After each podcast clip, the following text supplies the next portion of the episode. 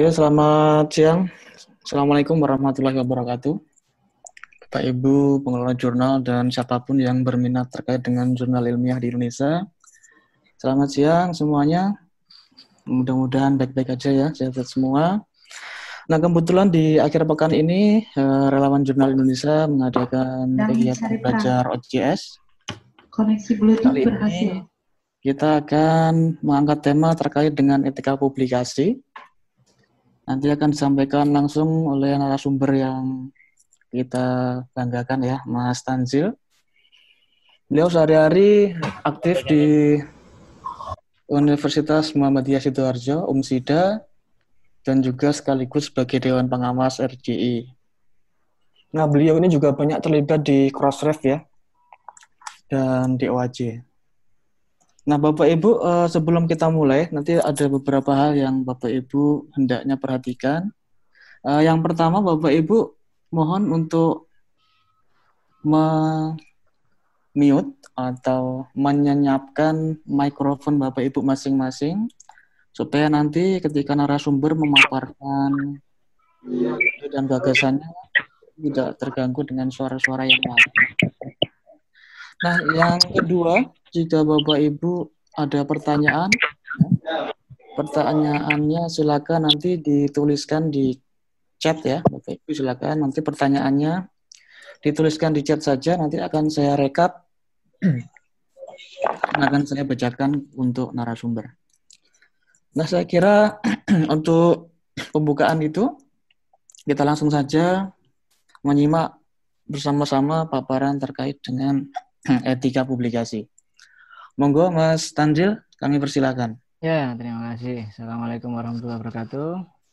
Ya, eh, terkait dengan pagi hari ini saya mau membahas terkait etika publikasi ilmiah. Ada banyak yang mungkin bisa dibahas dalam etika publikasi ilmiah, maka ada saya tulis bagian satu karena yang saya bahas ini cuma sekian kecil persen saja ya dari etika publikasi ilmiah. Namun mungkin eh, saya ambil dari pertanyaan-pertanyaan yang sering muncul. Pertama, bahwa kita sebagai pengelola jurnal itu, khususnya pengelola jurnal ilmiah, itu merupakan kumpulan uh, society ya masyarakat ya. Uh, di situ mungkin pastinya karena itu masyarakat ada norma norma-norma yang uh, perlu kita ikuti.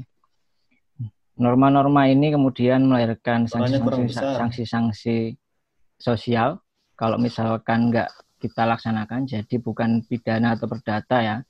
Nah ini permasalahannya sekarang yang membuat kode etik kode etik ini itu jumlahnya sangat banyak sekali. Indonesia saya rasa acuannya lebih mengarah pada KUP Komite Publication Etik. Tapi sesungguhnya kalau melihat dari uh, secara globalnya uh, tentang etika publikasi ilmiah itu lebih banyak didominasi oleh grup-grup uh, dari pengelola jurnal ilmiah bidang kedokteran atau kesehatan. Yang saya share itu bisa dilihat ada WAMI, KOPE, ada kemudian apa? Uh, ada IS, ada JSI, ada JMJE, ada CASE. Nah, CASE ini yang menjadi salah satu partner kerjasama dari Ristek. Ya, di situ ada hubungannya juga dengan HEBI. Ya, tautannya bisa dari KOPE, CASE, dan kemudian ada HEBI ada juga ACE, European Association of Science, itu bisa coba dibuka-buka webnya. Masing-masing itu mengeluarkan kode etiknya masing-masing. Baik itu COP, WAMI, JMJE, JSE, CASE. Yang saya ambil ini yang mayoritas besar saja. Karena yang selain itu juga ada banyak lagi yang lain. Jadi kalau kita mau membaca semuanya ini itu sangat banyak sekali. Nah, tapi nanti kita bisa melihat bahwa sebetulnya itu hanya mengerucut pada topik-topik tertentu saja. Lanjut, ini saya kasih share eh, rujukan yang layak dibaca terkait dengan topik kita hari ini ya. Ini ada khususnya yang flowchartnya publikasi etik, guidance-nya itu. Kemudian ada IS, punyanya IS tadi, sama punyanya CSE, Council Science Editors. Kalau yang case itu dia nggak mengeluarkan spesifik uh, handbooknya, cuman dia itu mempunyai jurnal namanya e-science editing. Kalau case Council of Asian Science Editor itu punya namanya e-science editing, jurnal khusus untuk bidang-bidang publikasi. Jadi kita bisa membaca terkait dengan publikasi ilmiah di jurnal tersebut.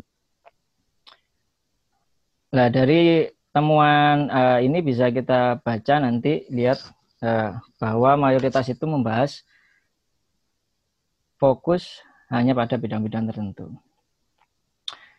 Ini nanti akan coba kita bahas terkait dengan pertanyaan yang sering muncul. Ya, pertanyaan yang sering muncul itu ini. Pertama adalah bisakah mengisi artikel yang sudah diterbitkan, kemudian bisakah mencabut artikel yang sudah diterbitkan. Mencabut ini konotasinya ada bermacam-macam ya. Nanti bisa ada mencabut, juga menghapus. Ya. Apakah editor memiliki kebebasan untuk menerbitkan artikel ilmiah? Ya, karena melihat di Indonesia ini sepertinya editor tidak memiliki tidak terlalu memiliki kebebasan untuk menerbitkan artikel ilmiah. Padahal kalau melihat dari uh, rule-nya atau editingnya ada yang namanya editorial freedom. Nah, itu nanti kita lihat. Bolehkah menerbitkan artikel satu persatu tidak langsung? Nah, ini yang jadi momok juga untuk uh, akreditasi. Karena sering kali kita temukan kalau misalkan satu jurnal itu e, nerbitkannya itu nyicil, nah, nanti dianggap berarti jurnalnya tidak kredibel. Padahal ya ada ada caranya kita menerbitkan itu satu persatu. Jadi tidak selalu suatu jurnal yang menerbitkannya itu satu persatu itu berarti jurnalnya tidak kredibel karena ada tata caranya. Bolehkah jumlah artikel yang diterbitkan tidak sama setiap terbitannya? Ini juga sama, masalah konsistensi dan inkonsistensi. Ada jurnal yang dia saklek harus 8 terus nggak berani nambah satu pun takut inkonsisten ada yang dia nggak berani nerbitkan banyak-banyak takut dikira jurnal predator. Nah, ya semacam itulah. Padahal ya tidak ada juga aturan yang mengatur secara jelas harus berapa. Kembali itu editorial freedom. Tapi kita nanti bahas coba melihat gimana uh, alur yang betul. Yang pertama adalah bisakah mengubah isi artikel yang sudah diterbitkan? Ya ini sudah sudah jamak kita ketahui ya bahwa ada istilah yang namanya korigenda dan ada istilah yang namanya errata. Yang pertama di sini ada korigenda, perubahan atas inisiatif penulis disampaikan pada editor. Jadi ceritanya ada seorang penulis yang setelah artikelnya diterbitkan membaca artikel tersebut baru dia menyadari kekeliruan tulisannya. Misalkan rumus yang dia tulis atau formula yang dia tulis atau timeline yang dia jadikan sebagai finding dalam artikel tersebut. Dia temukan itu keliru atau dia menemukan hal yang baru yang kalau misalkan yang baru ini dimasukkan papernya yang sudah terbit tersebut sebetulnya itu bisa merubah kesimpulan.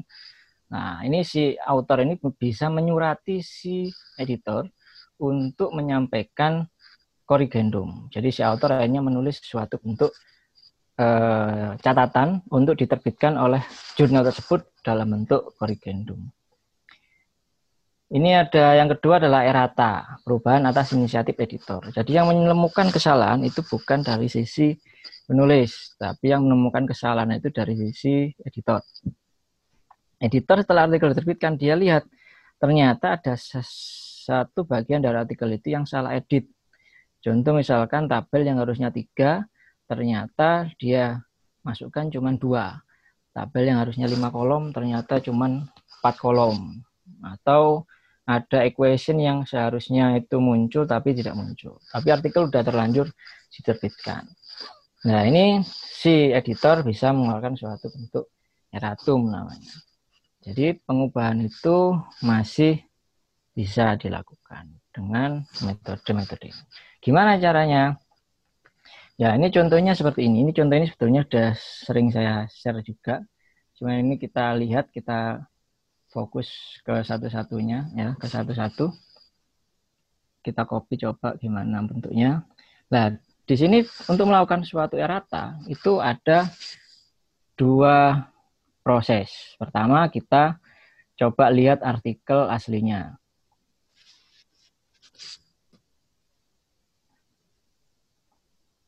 Nah, ini artikel aslinya. Artikel asli dari jurnal eh, artikel uh, yang dilakukan Eratum. Nah, di sini kita bisa melihat tidak ada informasi secara spesifik mencolok kayak misalnya retraction ada tulisan red enggak. Dia sama persis masih sama. Cuman di sini ada notifikasi bahwa ada Eratum untuk artikel ini. Nah, ini kalau kita pakai layanannya Crossref namanya Crossmark, kita bisa pakai logo itu. Tapi karena si jurnal Nature ini dia pakai sistem sendiri, dia masukkan model kayak gini. Kita juga juga bisa juga bikin kayak gini, tinggal taruh di abstraknya aja. Nggak, nggak perlu pakai crossmark juga nggak ada masalah. Cuman akhirnya kesulitan ketika artikel-artikel yang sudah terindeks di mana-mana itu harus kita update juga secara manual. Tapi kalau kita pakai crossmark, kita nggak perlu lagi mengupdate manual. Kita uh, update di data crossmarknya, semua artikel yang sudah terindeks itu dia sudah ke-update juga karena muaranya ke satu link, yaitu link crossmarknya tadi. Kita cukup merubah ke satu link tadi udah berubah.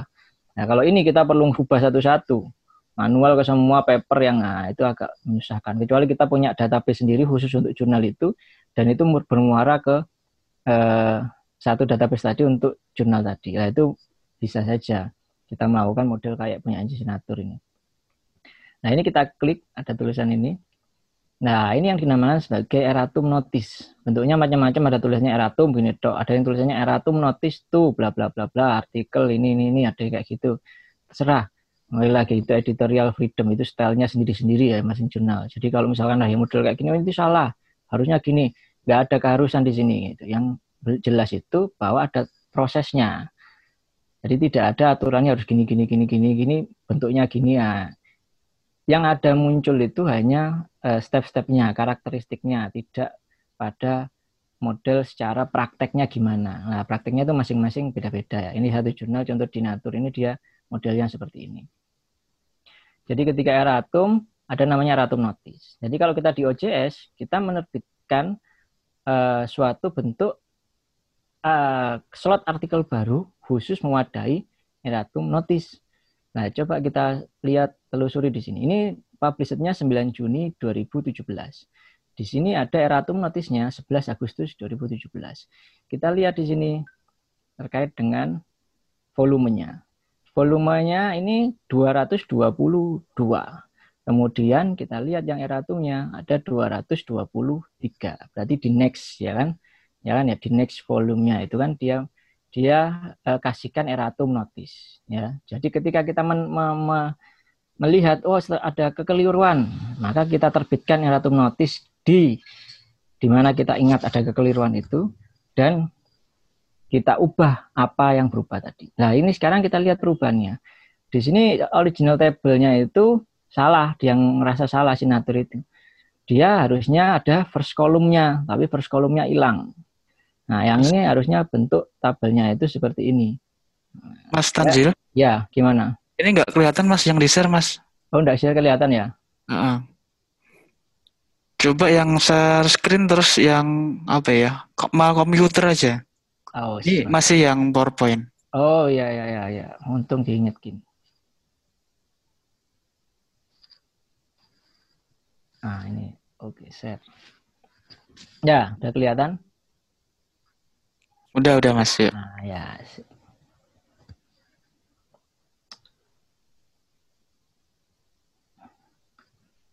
Ya, ini ya. Jadi di sini ada teks kolom missing. Nah, jadi dia harus uh, ngerubah yang file aslinya. Jadi file aslinya tetap dirubah, di replace dengan yang sudah berubah ada first kali first kolomnya. Tapi di terbitan selanjutnya nextnya dikasih erratum notice apa yang sudah berubah di artikel tadi.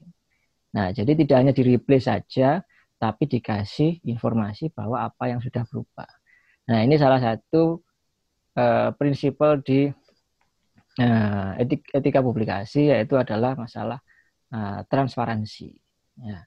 Jadi transparansi ini poinnya. Kita baca apa pun di kode etik miliknya banyak asosiasi tadi, fokusnya mereka sebetulnya ya hanya satu, transparansi itu saja. Ya, kemudian eh, uh, tentang eratum ini udah clear bahwa kita bisa merubahnya, tapi kita harus memberikan notifikasi di terbitan terdekat. Ya, oke. Okay.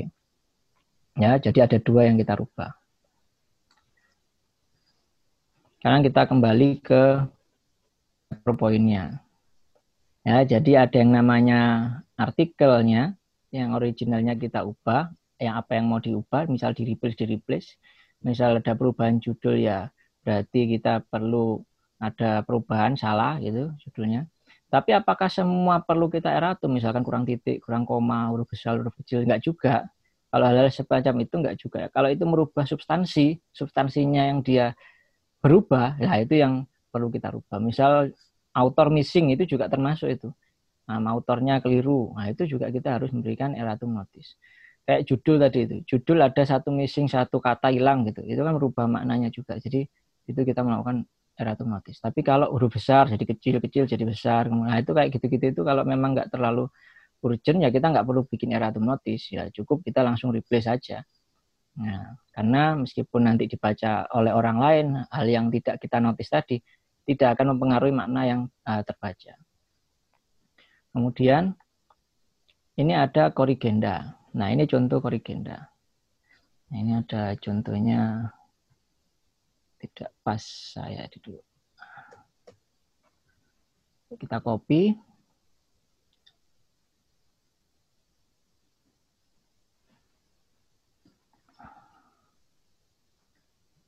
Kemudian udah kelihatan. Ya, kelihatan, Mas. Oke. Ya, ini artikel yang aslinya. Jadi bukan korigen korigendanya. Artikel aslinya itu ini. Nah, ini volume 93 part A November 2016. Nah, di sini kemudian ada informasi seperti ini. Nah, ini karena dia pakai eh, kayaknya sini sudah pakai crossmark. Nah, kita lihat. Nah, ini kan ada cek for update. Ya. Klik, kita klik, dia sudah ada informasi di sini. Update are available. Ya. Ini eh, editing doi-nya dia keliru. Harusnya dia editing ditulis di situ. Nah, korigenda karena informasi yang kita klik ketika kita klik di sini ini adalah bukan eratum tapi dia adalah corrigendum. Nah, ini yang ditulis corrigendum to. Nah, corrigendum to bla bla bla. Ini cara dari Elsevier membuat corrigendum atau eratum. Dia kasih corrigendum to, eratum to. Tapi karena natur tadi nggak perlu dia. Dia cukup tulis eratum, corrigendum gitu aja. Dia nggak kasihkan kasihkan kayak gini ini. Ya kita bisa nyontoh yang punya Elsevier ini juga bisa. Ini lebih detail, lebih bagus. Jadi ketika muncul di indexing, tahu ini mengkorigendum apa. Karena kalau indexing kan yang mulai paling judul, abstrak, sama autor. Nah kalau kita nggak memuncul eratum gitu aja, nanti si pembaca kan bingung ini eratum terkait dengan paper yang mana. Jadi cara yang ditulis, cara kayak modelnya Elsevier ini udah bagus ini. Bisa kita tiru. Nah ini isinya korigendumnya. Jadi si si autor ini dia menjelaskan bahwa memang metode yang dia pakai itu sama dengan paper dia sebelumnya. Tapi ini ada perbedaan ini, perbedaannya ini ini ini. Dia hanya untuk memastikan bahwa di, biar tidak dikira self plagiasi. Ya, dia nulis seperti ini. Ya. Ya, jadi dia mengkonfirmasi terkait dengan konfirmasi dari pekerjaan yang dia lakukan, kenapa kok sama dengan pekerjaannya sebelumnya, dan dia sekarang memberikan uh, sentuhan yang berbeda atau korrigendumnya tadi. Ya, jadi ini nanti yang paper aslinya ya akhirnya diubah juga menyesuaikan dengan yang disesuaikan oleh si penulis ini dan itu hal yang lakukan dengan betul. Nah, ada sebagian penerbit yang dia memberi, melakukan charge kayak kayak gini-gini ada korrigendum ada yang dia melakukan free memberikan.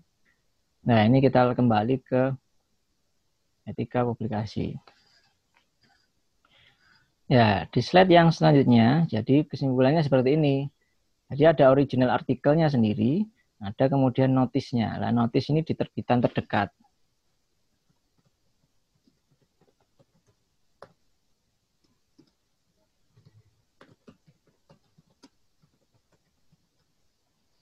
Maksudnya itu bukan terbitan terdekatnya kesalahan tadi ya, tapi ketika kita sadar, misal itu udah tahun 2017. Baru kita sadar setahun setelahnya, bukan berarti kita naruh korigenda atau notisnya itu di 2017, ya kita taruh di setahun setelahnya tadi, notisnya tadi.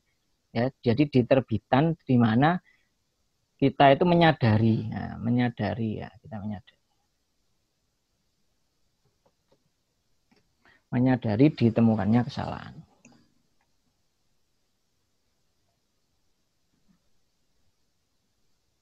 Ya. Jadi ada korigenda nanti keluarnya di korigenda dan errata ini. Ini yang model untuk errata sama korigenda. Kemudian kita lanjut. Di sini ada mencabut artikel yang sudah diterbitkan. Ada tiga model ya. Kalau saya menyebutnya tiga model yang ditemukan dalam uh, kelaziman publikasi ilmiah itu ada yang namanya removal, ada retraction, ada withdrawal. Kalau removal itu dia menghapus isinya kontennya dihapus. Nggak muncul sudah kontennya dia, dia muncul. Tapi kalau retraction kalau retraction itu isinya tetap ada cuman dikasih watermark saja. Kenapa kok begitu ya? Karena ini harus sesuai dengan standar uh, publication ethic retraction guideline tadi dari saya di, di depan tadi ada namanya retraction guideline. Nah coba dibaca di situ bahwa filenya itu tidak boleh hilang kalau kita melakukan retraction. Tapi kalau kita melakukan removal, filenya boleh dihilangkan. Tapi metadatanya tidak boleh dihilangkan. Nah, kita lihat contoh pertama yang removal. Ini contoh yang tanpa notis. Jadi kalau misalkan kita merimove, menghapus, nggak perlu ngasih notis, tapi cukup artikel originalnya itu kita remove dan metadatanya kita uh, ganti. Contohnya seperti ini.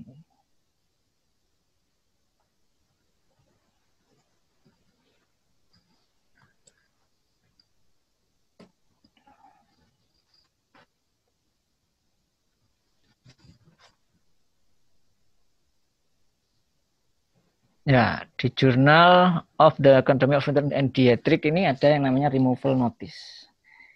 Dia langsung hanya satu paper aslinya langsung diganti metadatanya dengan model seperti ini. Removal notice. Ya. Removal notice to bla bla bla bla bla gitu aja dia. Jadi artikel aslinya cuma diganti diganti gini aja. Cuman dia di papernya yang uh, versi abstrak dan versi full text-nya itu dia ganti dengan informasi seperti ini bisa artikel has been removed bla bla bla. Dari the request of the academic. Ini dijelaskan alasannya kenapa kok di remove ya. Kenapa sih apa sih yang menyebabkan suatu artikel itu bisa kita jadikan alasan untuk nge-remove? Yang pertama itu adalah kalau artikel tersebut e, bisa menyebabkan suatu kesehat, e, kendala kesehatan yang serius. Yang kedua kalau itu terkait dengan permasalahan hukum yang serius. Nah ya itu maka kita perlu meremove dari artikel itu dengan uh, proses seperti ini. Jadi removal notice, doi-nya kemudian diupdate, judulnya berubah jadi kayak gini, di paper di full text PDF-nya diganti dengan isi kayak gini. Removal notice itu judulnya apa, ini terbitnya kapan, informasi autornya siapa. Ini yang pertama. Kemudian juga ada contoh yang kedua. Contoh yang ini contoh yang kedua ini contoh yang sama juga dia. Dia tidak pakai notis, tapi langsung. Nah, langsung dia dia di, di metadatanya beda dengan yang pertama. Di metadatanya dia kasih ada judulnya kayak gini. Ya, removal notice titik dua judulnya apa gitu. Ini punyanya Sagi, dia modelnya kayak gini. Tapi dia nggak pakai notis. Ya langsung aja di lokasi original artikelnya itu volume berapa nomor berapa langsung dia ganti aja tambahi metadatanya dirubah jadi removal notice titik dua ini. Nah ini terus paper artik artikelnya nggak ada sudah abstraknya dia udah ya apa modelnya udah udah ganti. Nah, jadi kayak yang ditertulis tadi itu alasannya apa dan lain sebagainya. Ya ini model-model untuk yang eh, tanpa notis. Ini tertulis removal notice padahal dia ngerubah artikel aslinya. Nah, kita bisa tahu karena doi-nya ini melekatnya di sini, nggak ada lagi notisnya. Tapi kalau kita misalkan pakai notis, itu bentuknya jadinya kayak gini. Beda, beda bentuk. Um, bentar.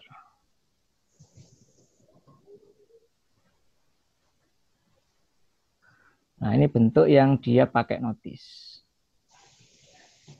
Jadi doinya dia ada dua. Satunya di notisnya, satunya di artikel yang aslinya.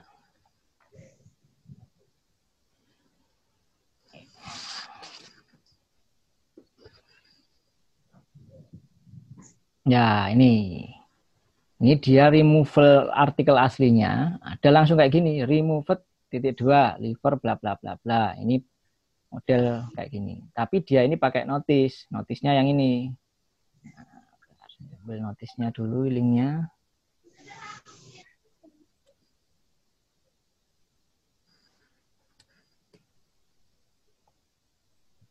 Ini stylenya Elsevier. Kalau stylenya Elsevier dia pakai notice mesti.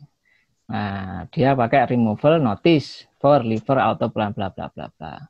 Nah, ini dia, ini stylenya, stylenya Elsevier modelnya kayak gini. Dia pakai notice. Dan di sini ada tulisan bahwa uh, removal notice-nya terhadap apa. Nah. Jadi ada dua, beda dengan yang removal tanpa notice tadi. Lokasinya dia ada dua, kayak kayak model eratum. Eratum eratum ada eratum notice. Artikel aslinya sama yang notisnya. Ya, lanjut ke slide yang selanjutnya. Retraction. Nah, ini penanganannya beda. Retraction ini ditang, dilakukan untuk jurnal untuk artikel-artikel yang dia double submit Nah, ini yang penanganan yang paling sering dilakukan itu model retraction seperti itu. Ada seorang autor submit ke banyak tempat dan ternyata autornya itu hanya menginginkan di satu tempat saja. Nah, jadilah kemudian dia mencoba untuk menghapus di jurnal yang dia tidak kendaki. Sehingga pengelola jurnalnya itu harus pakai cara uh, retraction. Nah, ini sekarang kita coba gimana bentuknya. Ya, saya kasih contoh yang miliknya Elsevier. Nah, modelnya kayak gini. Ada retracted. Kelihatan Pak Tanzil? Eh, sebentar, sebentar. Se Udah, udah kelihatan belum? Eh, bentar, belum, belum. Belum, Pak. Your screen sharing is paused. Kenapa itu? Bentar, pause.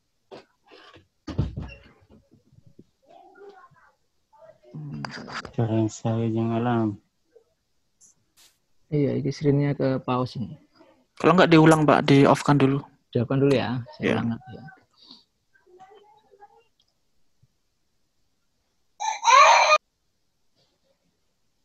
Aduh, nah, nak video saya ini.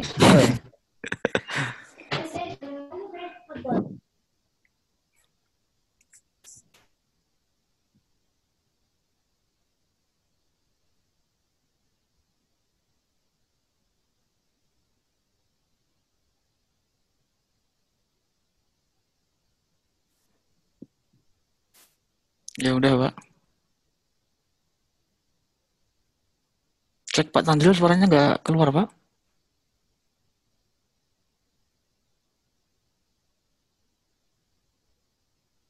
Oke, udah. Lanjut. Ya, lanjut. Nah. Ya, ini ada retracted stability bla bla bla. Ini ada retraction notice-nya. Di abstraknya diganti ditulisi retracted disretracted bla bla bla kemudian artikelnya kena apa nah ternyata si editor Inci menemukan bahwa author plagiasi terkait ini ini ini ini nah kelihatan nah nah ini paper aslinya gimana? Nah sekarang kita lihat paper aslinya. Download this artikel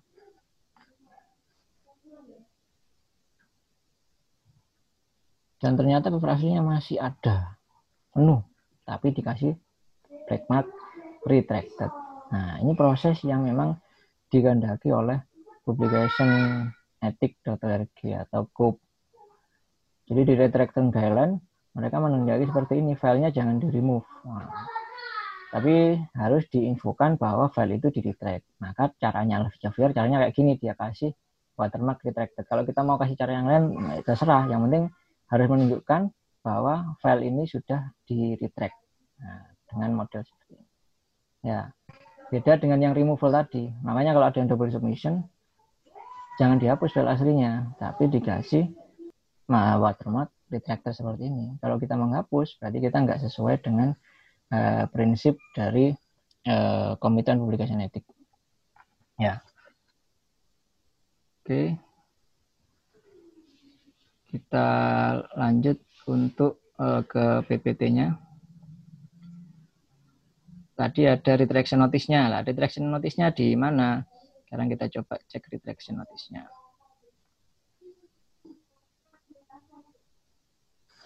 Saya rasa nggak ada bedanya dengan yang Eratum tadi. Di sini dia retraction notice-nya cuman beda ada tulisannya retraction notice to. Nah, gitu aja. Sama tadi kan corrigendum notice to, Eratum notice to. Cuman ganti ini aja. Di sini juga sama sebelumnya yang ada di artikel aslinya. Kemudian di PDF-nya, di PDF-nya kita bisa mencantumkan informasi ini kayak gini. Nah, taruh di artikelnya, kemudian kasih retraction notice, bla bla bla, autornya siapa, udah. Jadi yang ditulis di sini autornya ya, bukan bukan editornya ya, tapi autornya, nama autornya. Maka nanti retraction notice ini tercatat atas nama autor ini lalu ini ditulis editornya kan editornya hanya banyak banget interaction notice-nya padahal itu hanya untuk melihat track record si author berapa kali dia dilakukan retraction terhadap papernya nah makanya ada retraction watch itu nah. ya di sini ada withdrawal withdrawal ini lazimnya dilaksanakan eh, sebelum artikel itu publish tapi ada beberapa jurnal yang melakukan meng, mengistilahkan withdrawal itu setelah artikelnya publish karena dia melakukan kesalahan fatal. Misalnya double publikasi. Contoh misal seperti ini. Kita copy satu. Kita taruh sini. Ya. Itu notice. Published artikel bla bla bla. Nggak, di, diinformasikan dia ngapain gitu. Tapi di sini informasi yang muncul itu kebanyakan adalah karena dia diupdate eh, di di apa namanya itu diterbitkan dua kali oleh si jurnalnya sendiri. Nah, ada informasi kayak gini. Kesimpulan itu bisa didapat ketika kita cek yang contoh berikutnya. Contoh yang ini. Biasanya mereka itu karena terlalu banyaknya artikel yang dihandle, kadangkala salah memproses artikel. Nah, ya artikel yang sebenarnya sudah dipublish dia publish lagi kemudian dikasih withdraw notice model kayak gitu itu nah ini contohnya. Dia kalau ini jujuran ditulis this article was accidentally published twice in the online version of volume 21 issue 1 ya with different doi but the same page number. There was no duplication of the article in the oriented version of volume bla bla bla. Ya jadi ini dikasih informasi kayak gini. Ya ya tapi ini editor yang jujur. Kalau dia kalau kalau dia nggak mau transparan dia nggak nulis kayak gini. Dia langsung hilangkannya aja kayak yang tadi itu pertama. Atau dia malah nggak kasih withdraw notice. Langsung aja dihapus. Ya tapi ini secara jamak juga bisa dipakai istilah withdraw itu sebelum artikel itu terbit. Ini contoh lain yang withdraw setelah artikelnya diterbitkan. Withdraw or retraction notice that was published in error. Ini campur-campur istilahnya. Nah, sekarang kita lanjut ke masalah spesifik case. Ya, jadi saya menemukan ada satu kasus menarik di uh, publikasi netik.org bahwa ada satu jurnal bisa kita bisa silakan buka di uh, link tersebut ya. Saya buka di link tersebut ya saya coba buka. Tapi karena isinya tulisan aja ya silakan dibuka dan baca sendiri. Ya saya ceritakan saja. Jadi di uh, forum ini di ada forum ada jurnal A yang menerbitkan artikel milik milik si autor X ya. Nah, kemudian selang beberapa waktu ada jurnal B menerbitkan milik author X ini lagi karena ternyata author X ini submit langsung ke dua tempat. Author X ini lebih concern, lebih, lebih senang kalau diterbitkan oleh jurnal B yang terbitnya terakhir ini. Mungkin aja karena jurnalnya terakreditasi mau ke pangkatan. Nah, ya di sini si jurnal A ini kemudian dikirimi email, dapat email dari author X. Tolong saya punya saya dihapus dari jurnal Anda karena saya uh, Anda menerbitkannya tanpa seizin saya gitu. Ya, si alasan si si author X tadi itu. Saya saya betulnya belum dikonfirmasi kalau mau diterbitkan, tapi udah terbit. Sekarang artikel saya udah terbit di jurnal B. Ya, dengan berbagai argumentasi karena merasa tertekan, si editornya akhirnya kemudian menghapus langsung removal, tidak melakukan retraction. Hapus semua hilang semua metadatanya nggak ada, filenya nggak ada. Padahal harusnya model kayak gitu itu dilakukan retraction. Jadi kayak model yang tadi itu, filenya tetap ada, metadata tetap ada, cuma dikasih informasi retracted kan gitu harusnya. Metadata uh, file aslinya dikasih watermark retracted gitu. Jadi langsung hapus semua. Nah, yang kayak gini ini ternyata si out, si jurnal B bingung dia. Bingungnya itu harusnya itu tadi retraction saja, nggak punya perlu removal. Nah, ini dikonsultasikan oleh editor si jurnal B ke dan jawaban si KUP adalah tolong diinformasikan di abstrak Anda bahwa sebelumnya artikel ini pernah terbit di jurnal A. Dan si pengelola editor jurnal A telah menghapus data tersebut karena ada double submission dengan jurnal Anda. Jadi di sini masalah transparansi lagi. Jadi apa pun kejadian itu harus diinformasikan. Nah, nah di, di, di, di kasus ini kita bisa memahami bahwa transparansi dalam pengelolaan eh, jurnal ilmiah itu penting. Kemudian kita lanjut di bagian expression of concern. Apa ini expression of concern? Expression of concern ini maksudnya adalah suatu bentuk ekspresi dari si editor terkait dengan munculnya informasi terkait artikel yang diterbitkan di jurnalnya. Jadi dia merespon dengan nulis uh, editorial letter yang namanya expression of concern. Nah, dari expression of concern ini nanti muncul yang namanya korigenda. Nah, ini keliru. Korigenda. Ada yang namanya errata, ada namanya retraction, ada namanya removal. Jadi dari expression of concern. Tapi ada expression of concern yang ditulis oleh si editornya di di setiap munculnya edisi baru. Ada yang tidak dia tidak menuliskannya karena merasa eh, belum cukup informasi atau tidak merasa tidak perlu menuliskannya. Tapi ada juga yang menuliskan. Namun ada yang contoh yang menuliskan itu contohnya kayak gini. Ini artikel aslinya.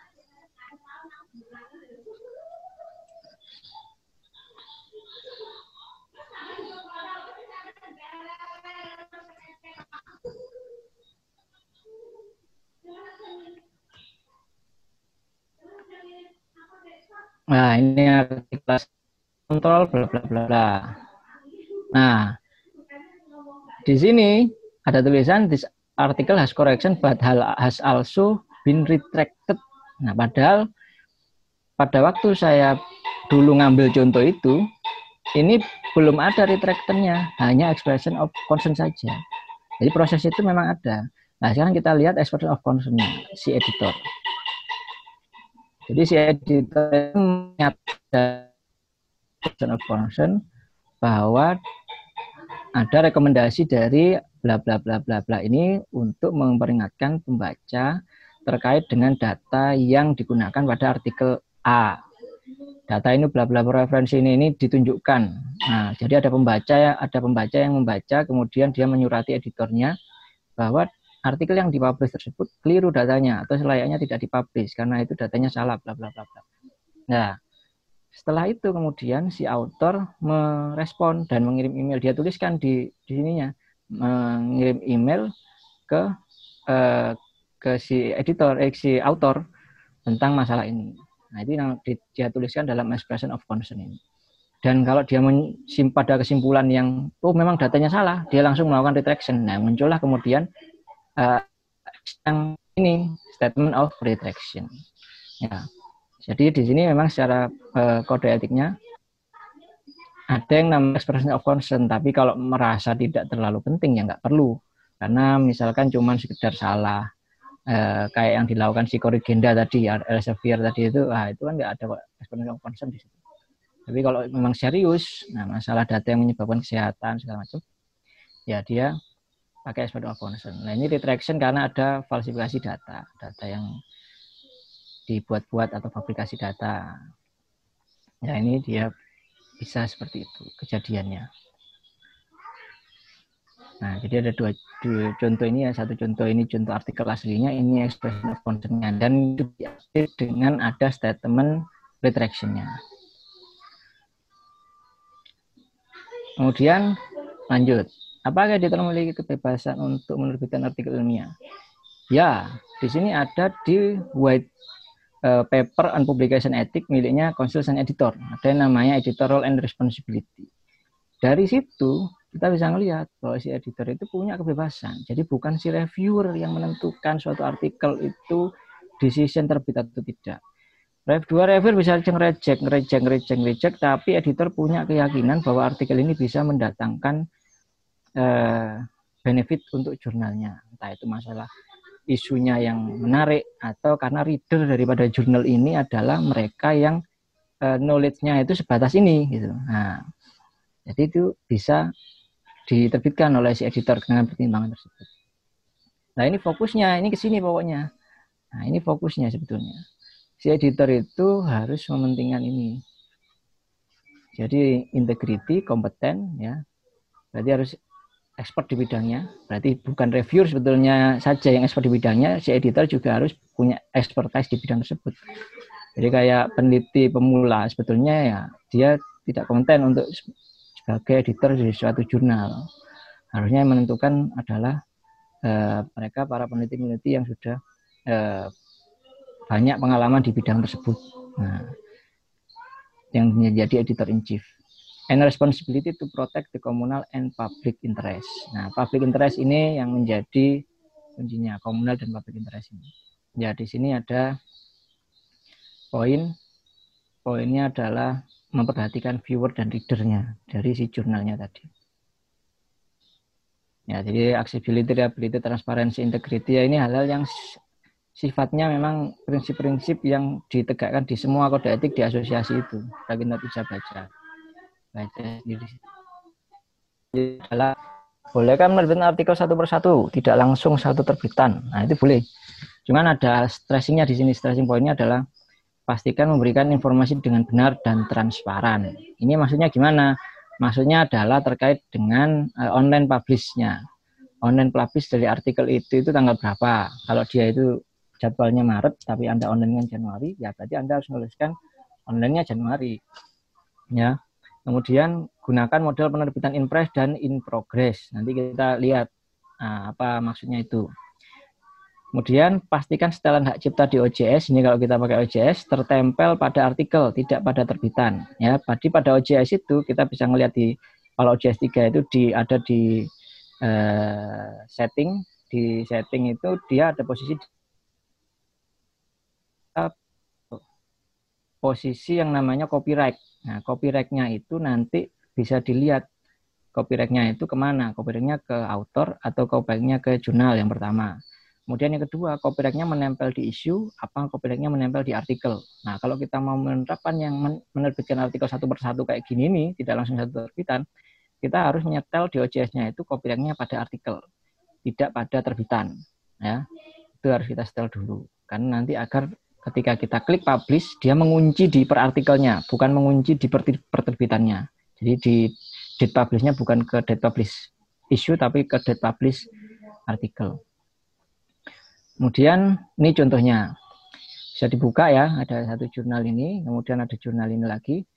Jurnal ini yang kita stressing point kan yang jurnal research policy ini. Ini bahkan dia melakukan in progress itu dua bulan ke depan.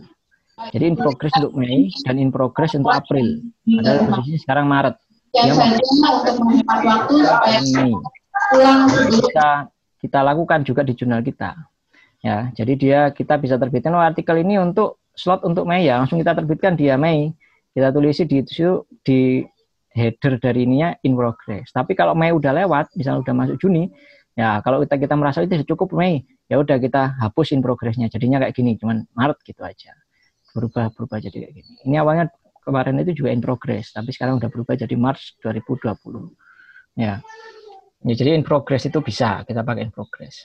dengan cara uh, kalau mau nyicil satu-satu dengan cara menulis di uh, title-nya itu in progress bulan tahun. Nah, itu caranya seperti itu. Kemudian lanjutannya ada artikel in press. Jadi beda antara yang in progress sama artikel in press. Kalau artikel in press ini terbagi menjadi corrected proof, uncorrected proof, sama pre-proof.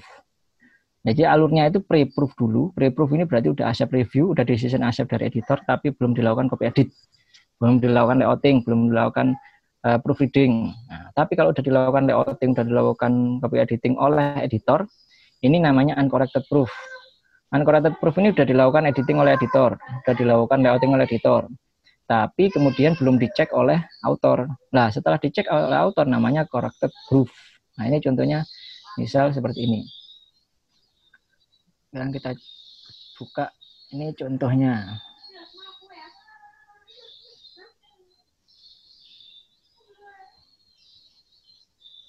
Iya, mangel ya. Bentar. Ini enggak bisa diklik.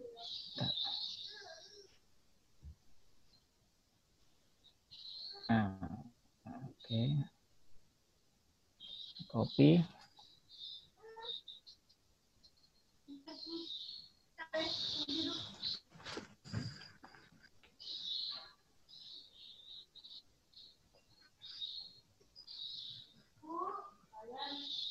Oke, ya ini lihat ya di sini ada pre. Nah ini yang pre-proof baru di accept, tapi belum diapa-apain. Pre-proof, pre-proof, pre-proof, pre-proof, pre-proof, dia pre-proof, tapi kemudian ada yang uncorrected proof. Nah di sini berarti udah diedit, sudah diproses, nah, diproses untuk lakukan editing. Nah, kemudian ada kemudian ada yang namanya corrected proof di sini. Nah ini berarti udah dicek sama si siapa si autor tapi belum masuk belum masuk yang ke volume sama itunya apa nomornya nah, karena kalau artikel impress itu kan kita belum naruh volume atau nomornya hanya masalah kalau misalkan ini terkait dengan jurnal yang dia transfer copyrightnya di jurnal biasanya terkait dengan belum tanda tangannya copyright transfer agreement nah, kalau ada masalah itu atau masalah yang kedua karena belum bayar dan lain sebagainya. Ya, belum bayar kalau jurnalnya dia kalau mau kita publish ya ini model-model.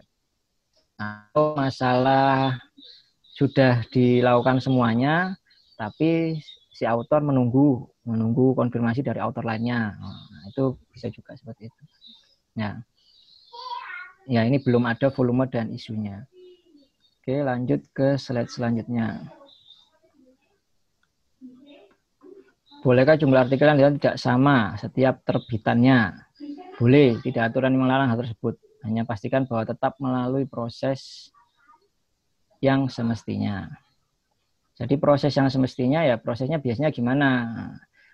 Uh, proses review dan lain sebagainya dilakukan dengan kalau memang sudah sesuai semua ya nggak ada masalah. Jadi kalau misalkan terbitan hari ini 8, terbitan selanjutnya 10. Kalau memang semuanya udah sesuai ya nggak perlu kita tunda yang dua itu untuk terbitan next tetap langsung aja terbitkan nggak perlu nunggu next year next year nah, ya. jadi kalau kalau begitu nanti kasihan autornya misal contohnya kayak jurnal ini jadi banyak banyak tidaknya artikel yang terbit di suatu jurnal itu tidak menentukan suatu jurnal itu predator atau tidak sebetulnya yang penting apakah dia ya memang menerapkan proses review itu dengan baik dan benar itu saja Contoh Nature Communication ini. Ini terbit ini tahun kemarin aja sudah 5.833. 30 35. Kalau kita nganggap ini jurnal predatory, ya berarti ya kita bisa dituntut nanti sama Springer Nature. Nah, ya ini eh, giga publisher sejajar dengan Elsevier. 5.835 per, per isunya udah berapa itu dia? Kemudian ada lagi misal jurnal plus one. Ini bahkan sampai 16.000 untuk tahun kemarin. 2020 dia ada 2.000 per per Februari per mau Maret ini. Dua bulan dia sudah nerbitin 2.000 itu. Berarti per bulan dia 1.000. 1.000 lebih lah. Kalau setahun konsisten kayak gini ya berarti dia sudah ya mendekati yang tahun lalu. Nah, Helion ini punyanya Elsevier. Tahun kemarin sudah 1.000 lebih ya dan saya yakin tahun ini dia lebih dari 1800 karena namanya udah populer. Ya jadi tidak ada salahnya dalam kita suatu terbitan itu banyak. Yang penting itu kita eh, prosesnya itu sama melakukan itu. Jadi kinerjanya tetap profesional. Tidak setelah banyak banget, misal habis dari seribu perterbitan, ternyata ngebit merbitan nextnya cuman dua, cuman tiga gitu. Ini kan menjadi kenapa ada problem apa? Gitu. Nah itu bisa kelihatan. Jadi kan kalian jurnalnya nggak profesional itu saja, bukan masalah kode etik ini gimana. Karena kalau lihat dari kode etik, yang penting itu sudah melalui proses review. Perkara proses reviewnya ketat atau tidak lah itu kan kebijakan masing-masing jurnal. Ya, saya kira untuk yang sesi bagian satu ini saya kira cukup sekian saja. Mungkin nanti bisa dilanjutkan dengan ada mungkin ada pertanyaan. Silakan.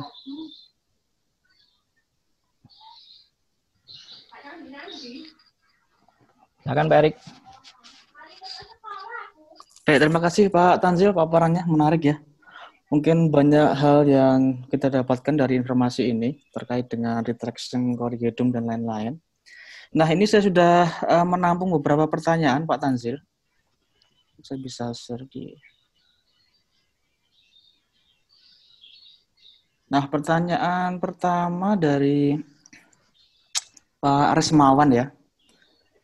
Apakah ada dampak serius jika editor mengubah metadata pada artikel yang telah diterbitkan? Ya, udah. Ya, ya. ya.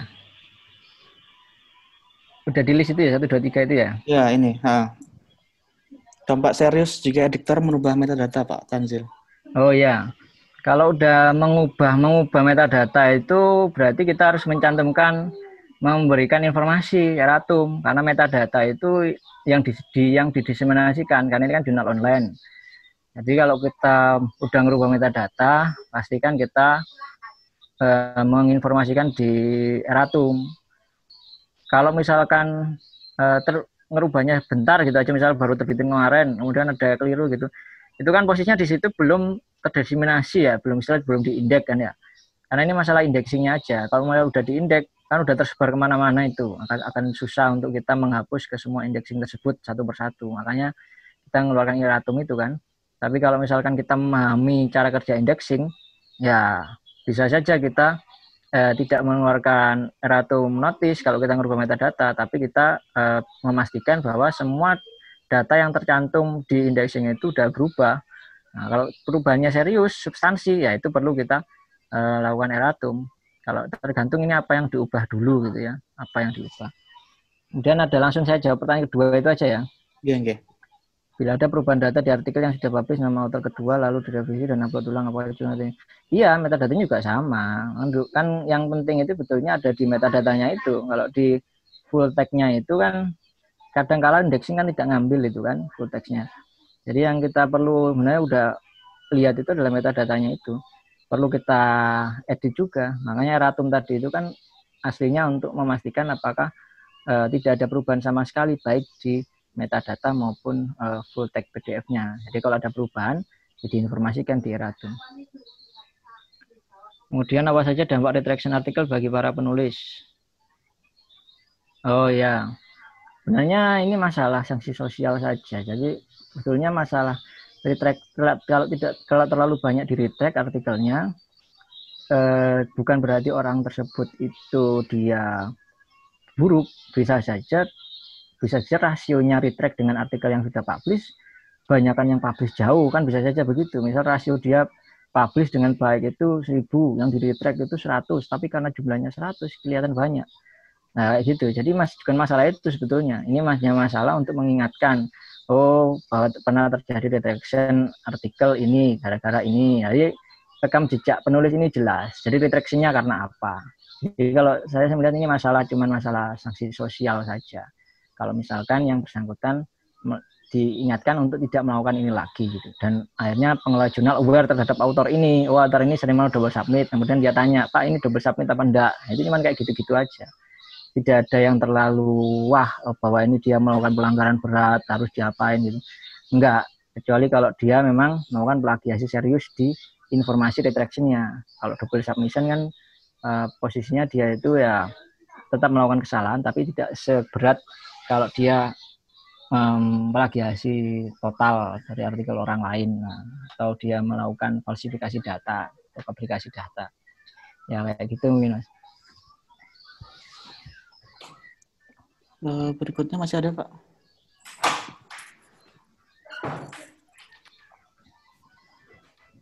Yang berikutnya Pak ada lagi. oh, ada lagi itu Ya. oh saya kira cuma tiga itu ada lagi Eh, jika kita sebagai editor melakukan perubahan artikel karena baru menyadari ada kesalahan konten yang mempengaruhi kesimpulan jika kita revisi paper dan paper baru yang telah direvisi apakah berdampak terhadap similarity paper.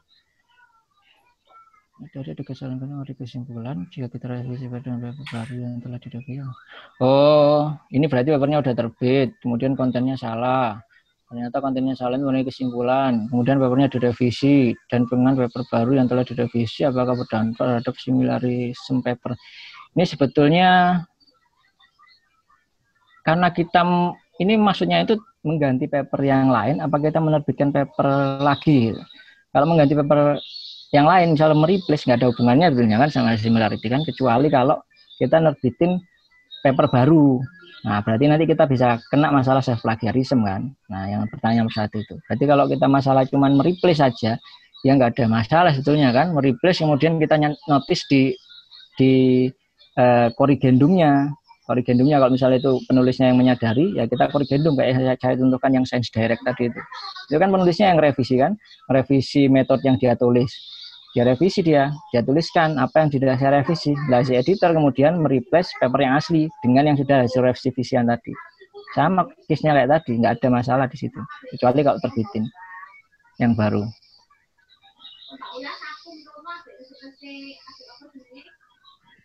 Oke, Pak, eh terkait dengan expression concern, Pak. Ya ini saya saya baca pertanyaannya panjang.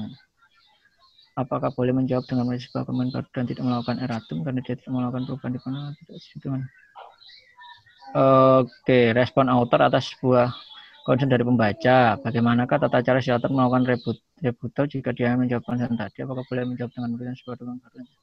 Ya, ini terkait dengan respon ya. Kalau respon itu kita bisa kan pakai korrigendum. Korrigendum yang tadi bisa juga ya. Jadi dia nggak nggak nggak bisa posisi di situ korrigendum itu kan bisa ngerespon si autornya itu terkait dengan korrigendum bla bla bla bla. Kalau mau dia merasa nggak ada memang nggak ada perubahan, tapi ternyata kalau membaca ada yang merasakan ini eh, kayak gini nah, hal yang tidak eh, bagus, nah dia ngerespon itu pakai korrigendum juga bisa sebetulnya. Tapi kalau dia mau ngerespon itu lewat expression concern dari si editor, ya itu juga bisa juga. Dia ngomong ke editor, ngomong, eh, saya ingin menyampaikan bahwa apa yang saya tulis itu benar, bla bla bla. Itu si editor bisa nulis di expression of concern-nya itu melalui korespondensi antara si author dan editor yang ditampilkan di expression of concern. Contohnya kayak yang diabetik tadi kan ada korespondensi itu antara si editor dengan si author. Sebelum si editornya punya decision ini erratum, eh, retraction atau removal. Kemudian tanya jawab ketiga, apakah jumlah jumlah artikel yang kita publish berdasarkan volume yang mengerti original kita menurut misalnya ini kalau di saya lihat di aturan akreditasi ya nggak ada. Ya nggak ada yang menuliskan bahwa konsistensi jumlah artikel yang terbit itu menyebabkan poin akreditasi uh, menurun. Atau kalau misal kalau inkonsisten terbit itu uh, jumlahnya menurun. Yang ada itu cuma minimal 5 kan gitu. Ya yang saya pahami dari aturan akreditasi ya. Bagaimana dengan jurnal yang masih berjuang terbit? Secara jurnal di fakultas kampus atau harus tetap yang terima sementara mungkin nulisannya tahu kalau jurnalnya masih kuliahnya. Nah, ini menjadi problem ya. Problemnya itu begini. Hmm, bolehlah kita misalkan nggak melakukan uh, proses misal katakanlah kita nggak melakukan proses secara ketat gitu. Tapi pastikan itu tidak plagiarisme serius. Ya. Meskipun kita kesulitan paper, pastikan itu nggak plagiat minimal seminimal minimalnya itu cek similarity.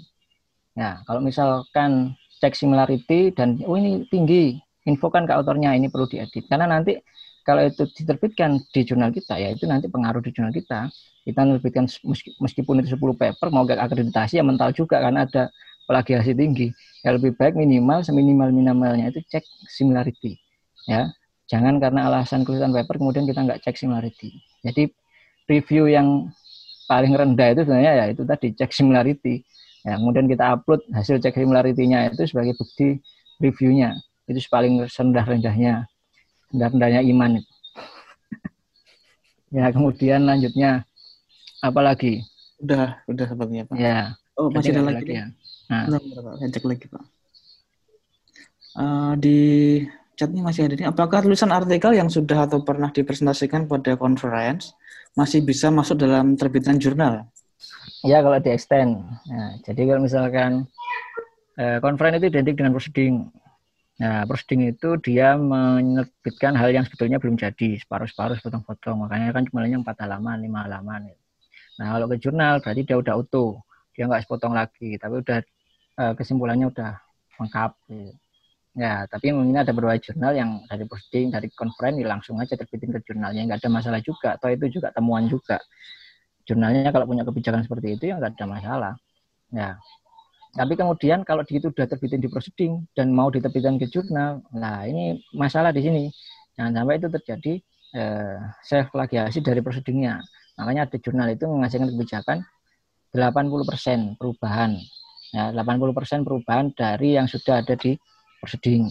Agar nanti similarity, kalau misalnya ada similarity, nggak lebih dari 20%. Nah, harapannya kan gitu aja, sederhana, simple kayak gitu. Makanya ada extend paper, paper yang dia kembangkan ulang, nah, dia kembangkan lagi.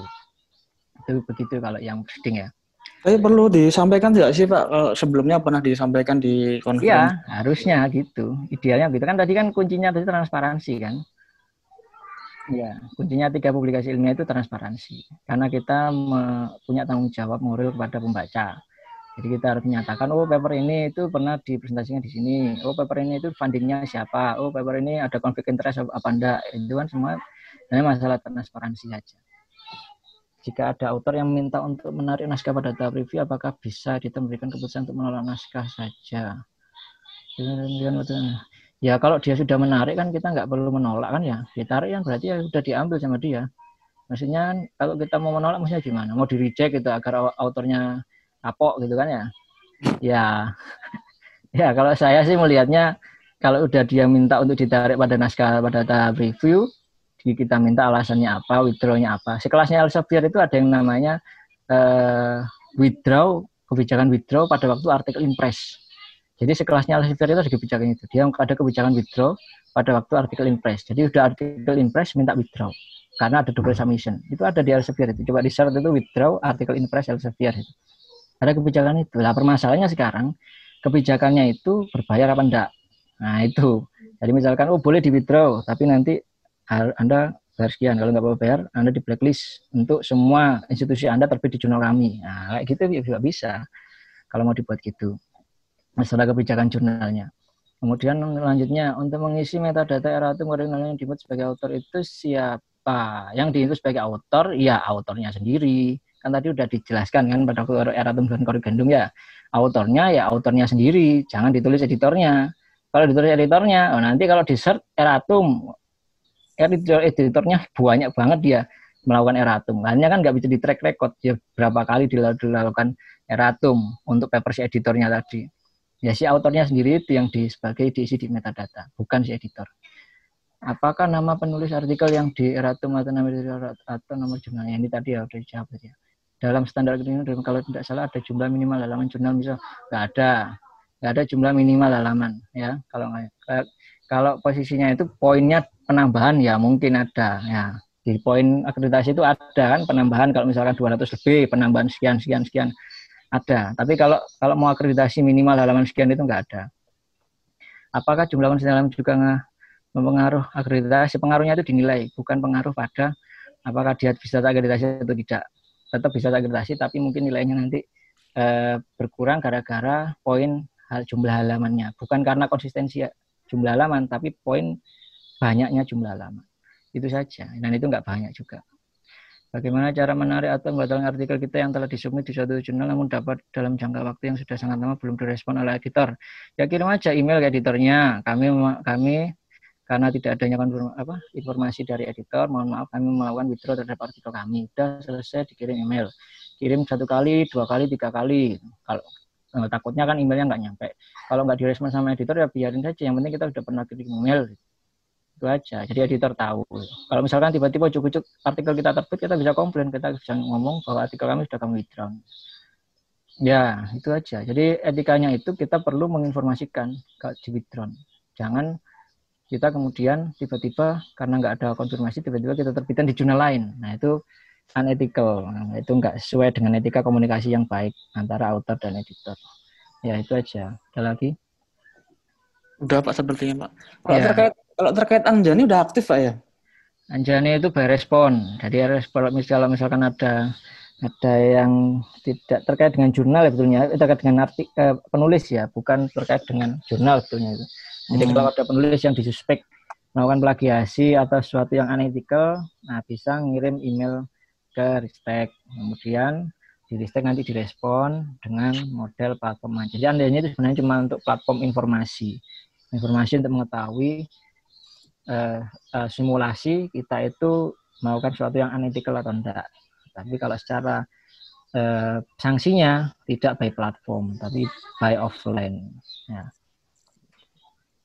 Udah. Eh, eh, ada lagi Bapak Ibu pertanyaannya mungkin terkait dengan etika publikasi. Mungkin ini hanya bagian kecil Pak ya dari etika publikasi Ya, sebenarnya. banyak sekali ya. Kita belum bahas terkait dengan authorship dan lain sebagainya. Mungkin Ya, authorship itu diagendakan. Iya, banyak. Jadi Bapak? Ibu kalau ada pertanyaan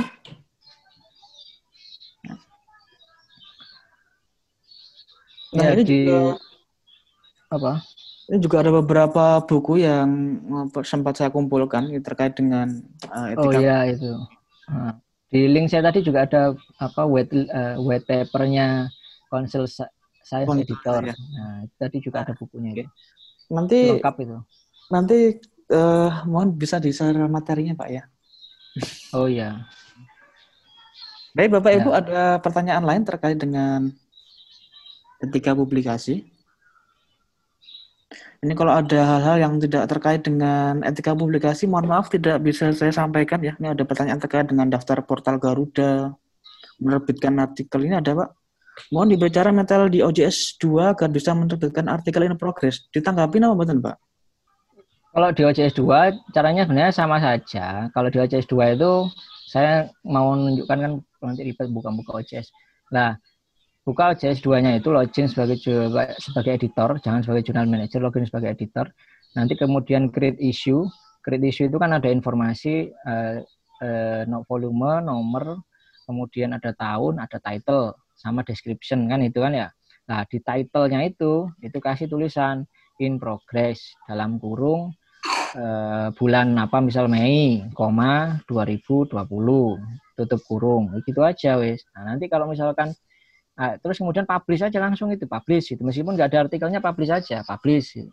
Nah setelah kemudian ada artikel cocok untuk isu itu ya langsung diterbitkan untuk isu itu si schedule untuk isu tersebut yang sudah kita publish tadi itu. Nah, tapi di sini harus disetting dulu yang OJS-nya tadi di setup, di setup, di masuk jurnal manager, kemudian ada setup, dan di situ di posisi submission, kalau nggak salah itu di submission ya nanti dicek. Ada yang namanya copyright. Kalau nggak di submission ya di policy. Itu ada copyright, kemudian eh, centang yang copyright by artikel, jangan yang by issue. Ya, di situ udah selesai. Kita bisa proses artikel yang namanya artikel eh, vol- volume in progress. Jadi belum belum waktunya bulan Mei, tapi udah kita terbitkan nyicil satu, dua, tiga untuk bulan Mei agar si autor itu enggak kelabakan nunggu bulan Mei. ya. Nah, untuk report report hibahnya, untuk report kepangkatan, VKD dan lain sebagainya. Itu bisa untuk mempermudah autor. Ya, itu mungkin. Ada satu lagi nih Pak dari Pak Ahmad. Kalau ada teman yang ngelakuin pelanggaran etika Pak gimana Pak? Ya, itu harus lihat dulu contohnya apa. Pelanggaran etik yang paling paling parah itu adalah plagiarisme. Jadi melakukan plagiasi, plagiasi plug dengan milik orang lain, nah, kan gitu. Nah, plag- artikel yang dimaksud apa dulu? Kalau itu artikel yang dimaksud itu terkait dengan eh, artikel dia, ya berarti kita harus lapor ke pengelola jurnalnya. Ya, pertama itu lapor ke pengelola jurnal. Lalu artikel yang diterbitkan ini itu dia ada falsifikasi data, ini plagiarisme. Nah, lapor ke pengelola jurnalnya. Nah, jadi urutannya begitu, lapor dulu ke editornya. Kenapa kok Anda terbitkan bla bla bla bla. Karena kita kan harus konfirmasi dulu. Nggak mungkin tiba-tiba kita menjudge dia melakukan pelanggaran etik, jangan kita kita belum melakukan klarifikasi baik ke penerbitnya maupun ke orang yang bersangkutan. Nah, baru kemudian kalau sudah sudah sudah tidak ada respon, ya baru melakukan melaporkan pada instansi, instansi di mana si temannya tadi itu uh, bekerja di kampusnya atau kemudian lembaga risetnya, bukan ke pemerintah.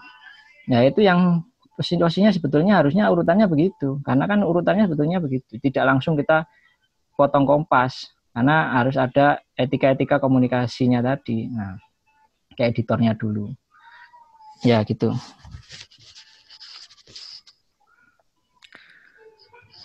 Kalau terkait uh, revisi yang bisa dilakukan penulis Pak nomor tiga ini Pak. Mana itu? Tiga ini Pak. Hanya menggunakan apakah ada patokan seperti berapa besar atau banyak persentase penulis harus memperbaiki artikel.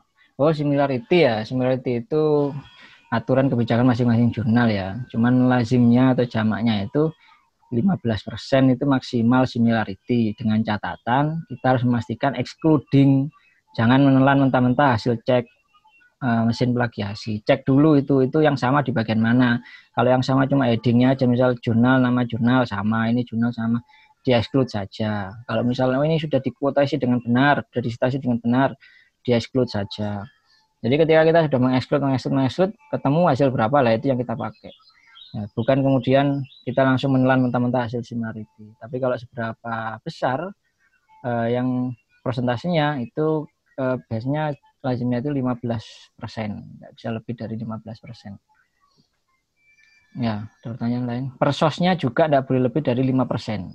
Kalau per, per total 15 persen, kalau per sos itu nggak boleh lebih dari 5 persen. Per sumber, per sumber, per sumber similarity. Oke. Okay.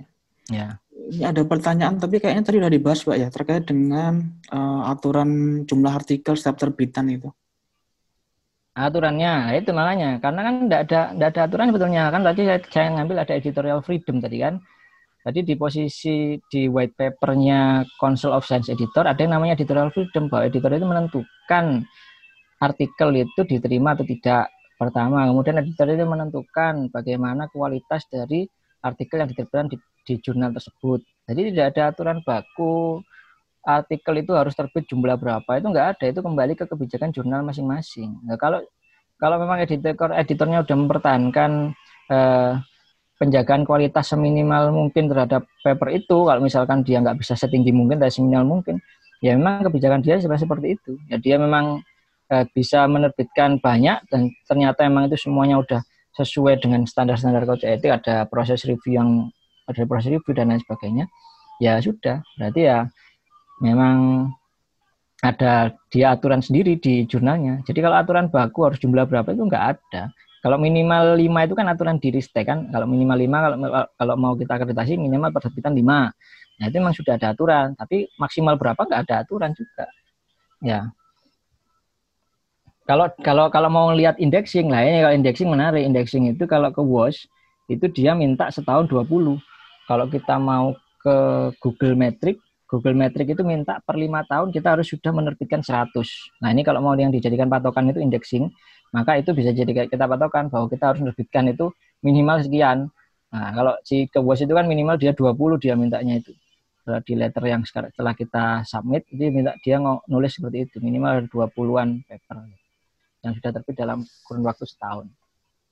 Nanti kalau kita pakai itu sebagai indikator ya bisa saja. Jadi kalau aturan nggak ada. Ya. Dah. Ini ada lagi Pak. Ngajuin kubis Pak. Kenapa? Datanya palsu katanya Pak. Terus? Mohon solusi. Ini kan harus ada apa? Investigasi dulu ya Iya, itu kan kita nggak bisa ngomong ini datanya palsu. Nah, kayak tadi tuh, kita ngomong dulu ke editornya, komunikasi mail. Konfirmasi. Kami menemukan bahwa data ini nanti editornya pasti konfirmasi ke Anda. Anda info dari mana kalau dari mana mana buktinya. Kan gitu dikonfirmasi. Oh ini buktinya.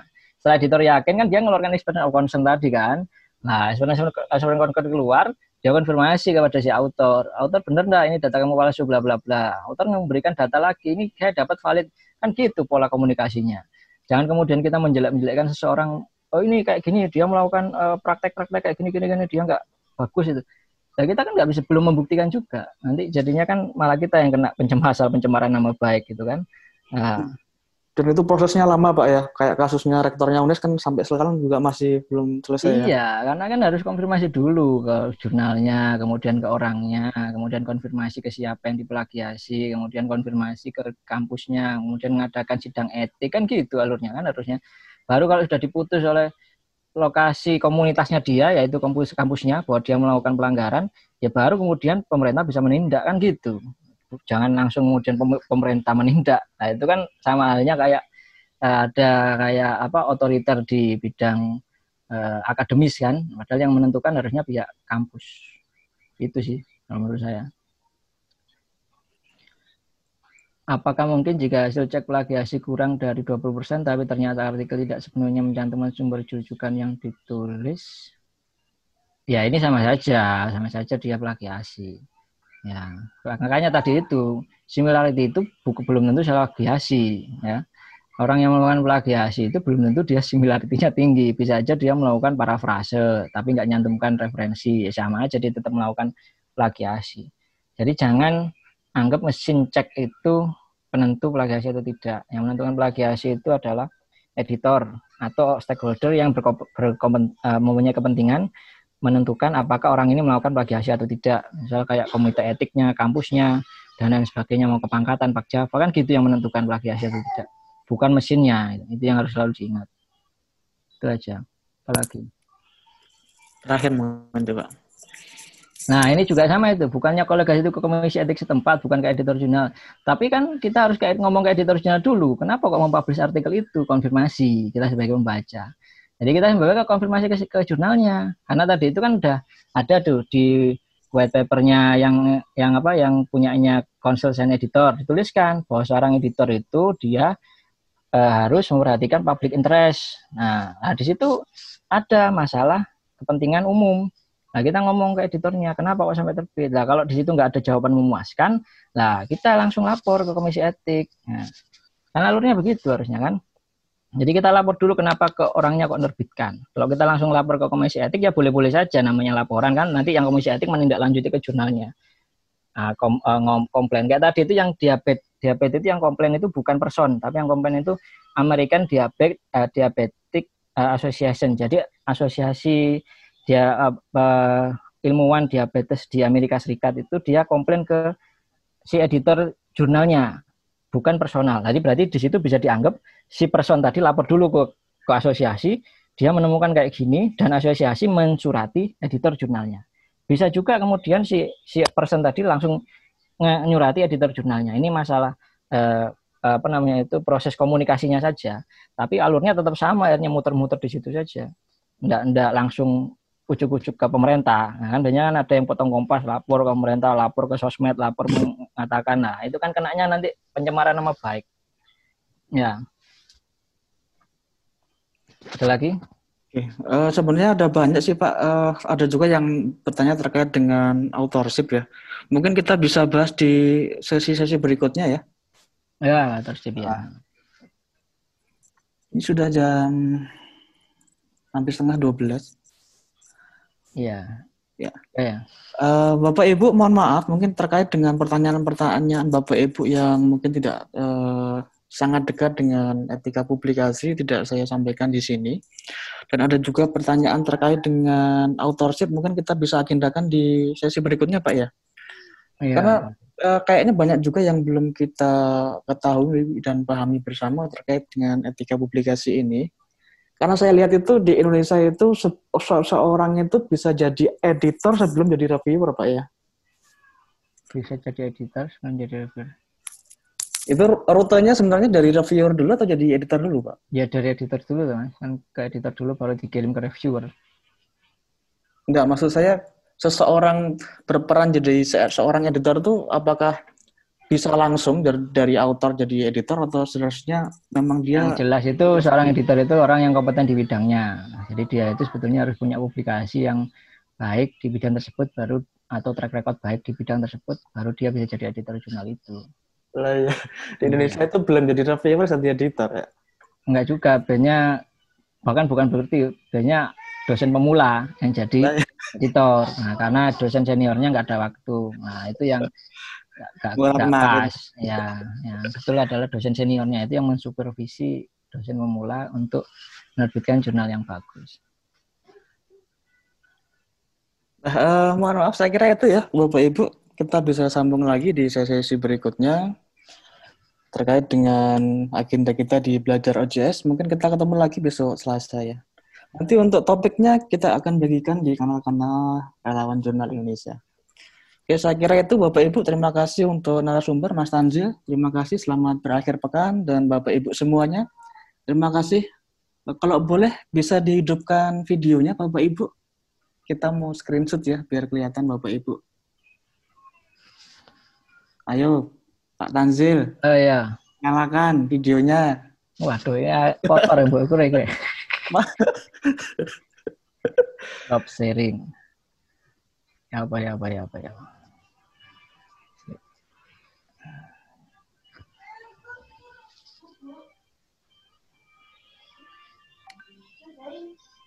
Terus entar. Si, si. Si. Nah, wes ini. Nah, Di video ini ramet tuh Kang. iya sih. Nih. Ya wes. Yes. Halo semuanya. Selamat berakhir pekan. Saya tak screenshot sih ya. Oke, terima kasih semuanya. Dari mana aja nih? Yang paling jauh dari mana? Bapak Ibu?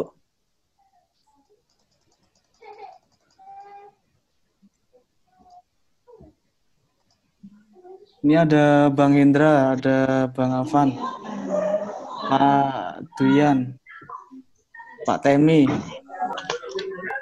dari Studies.